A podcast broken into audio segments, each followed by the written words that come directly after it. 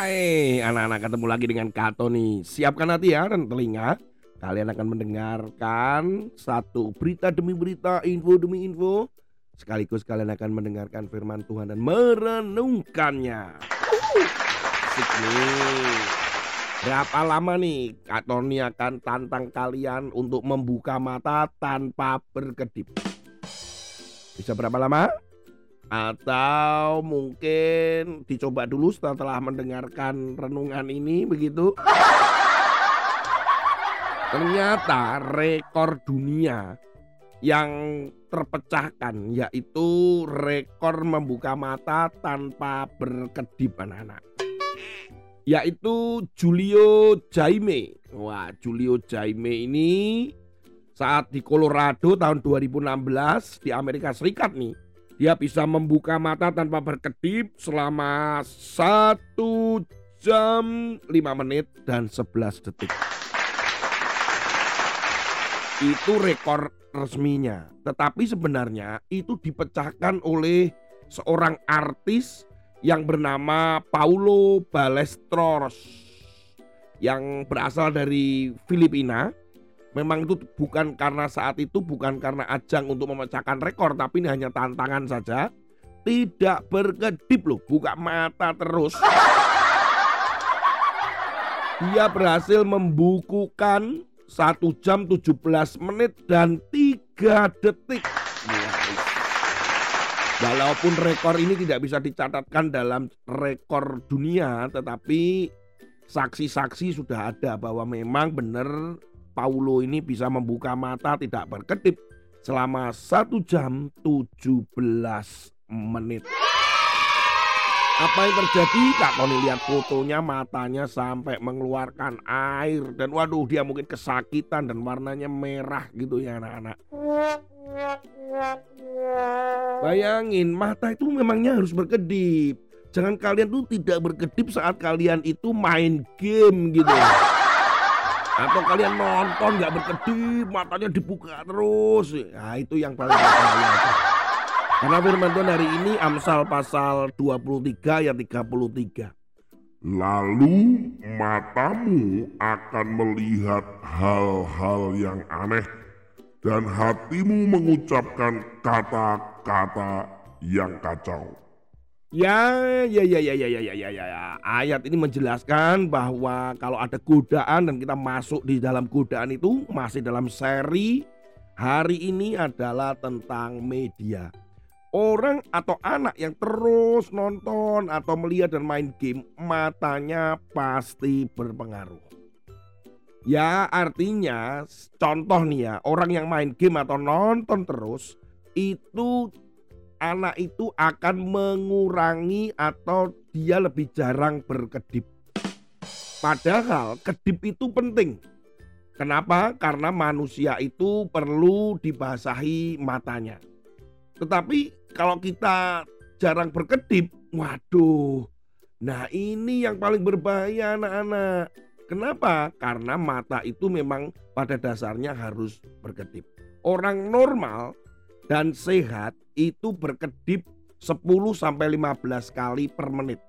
Kecepatan kedip manusia aja sekitar sekali kedip nih 0,4 detik. Wah. Ya, kira-kira rata-rata nih ya, setiap 10 detik kita akan berkedip. Bayangkan kalau kita menonton atau kita melihat atau sedang main game, maka kedipan ini akan semakin kurang. Dilihat dari sebuah artikel yang Kak Tony baca dan kami coba Kak Tony liatin gitu ya. Apa sih sebenarnya dampaknya yang terlalu banyak nonton dan main game? Perhatikan baik-baik anak-anak. Kita akan lihat satu-satu. Yang pertama, paparan cahaya daripada gadgetmu, handphonemu itu akan mengurangi tingkat kedipan mata. Nuh. Nah makanya akan berakibat pada ketegangan mata, iritasi mata, mata jadi kering hingga mata kabur. Waduh. Yang kedua, berkurangnya hormon melatonin akan membuat anak-anak susah tidur. Wah ini kalau terlalu susah tidur banyak nonton atau lihat gadgetmu kamu akan susah tidur. Sehingga siklus istirahatmu, otakmu, tubuhmu akan terganggu dan mudah sakit. Juga ingatan memori kita akan perlahan-lahan menjadi pelupa. Yang ketiga, karena tadi tidurnya terganggu, maka kerja hormon-hormon dalam tubuh manusia atau tubuh kalian akan terganggu. Contoh pengendali lapar. Dan kalian akan lapar terus, lapar terus, lapar terus ketika uh, nonton, ketika main game. Jadinya apa? Kegemukan. Wah, ini yang keempat. Dalam jangka panjang kurangnya hormon melatonin tadi akan mengarah pada sulitnya berkembang hormon neurotoksin sehingga otak sulit berkembang. Ngeri. Eh, salah satu yang paling tragis adalah penyakitnya menjadi pelupa. Kecil pelupa. Kelima, masih akibat kurang tidur. Banyak nonton, lihat itu matanya itu. Nah, sulit belajar, otak akan bekerja lambat dan menangkap memahami hal-hal baru, sulit konsentrasi. Oh oh. Yang keenam, tingkat hormon melatonin yang kurang dalam tubuh kita ketika suka nonton dan semuanya itu berpotensi mendatangkan gangguan psikologis seperti depresi, stres gitu ya. Bahkan bisa mengakibatkan penyakit-penyakit seperti kanker. Waduh kok ngeri sekali itu Kak Tony ya. Eh, menurut penelitian yang ketujuh ini, kalau anak-anak sedang berkonsentrasi pada satu hal sebaiknya jauhkan diri dari layar handphone katanya.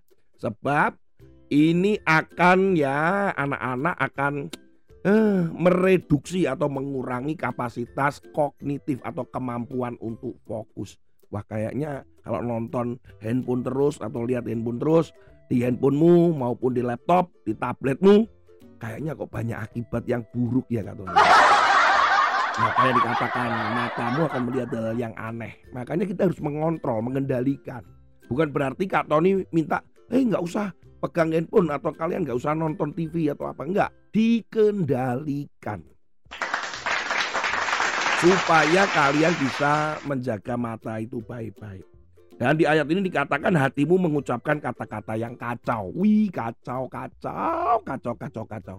Jadi ketika apa yang masuk engkau akan katakan Kak Tony banyak menemukan anak-anak ngomong itu di WA di mana kata-katanya penuhkan dengan kata-kata kasar. Kenapa?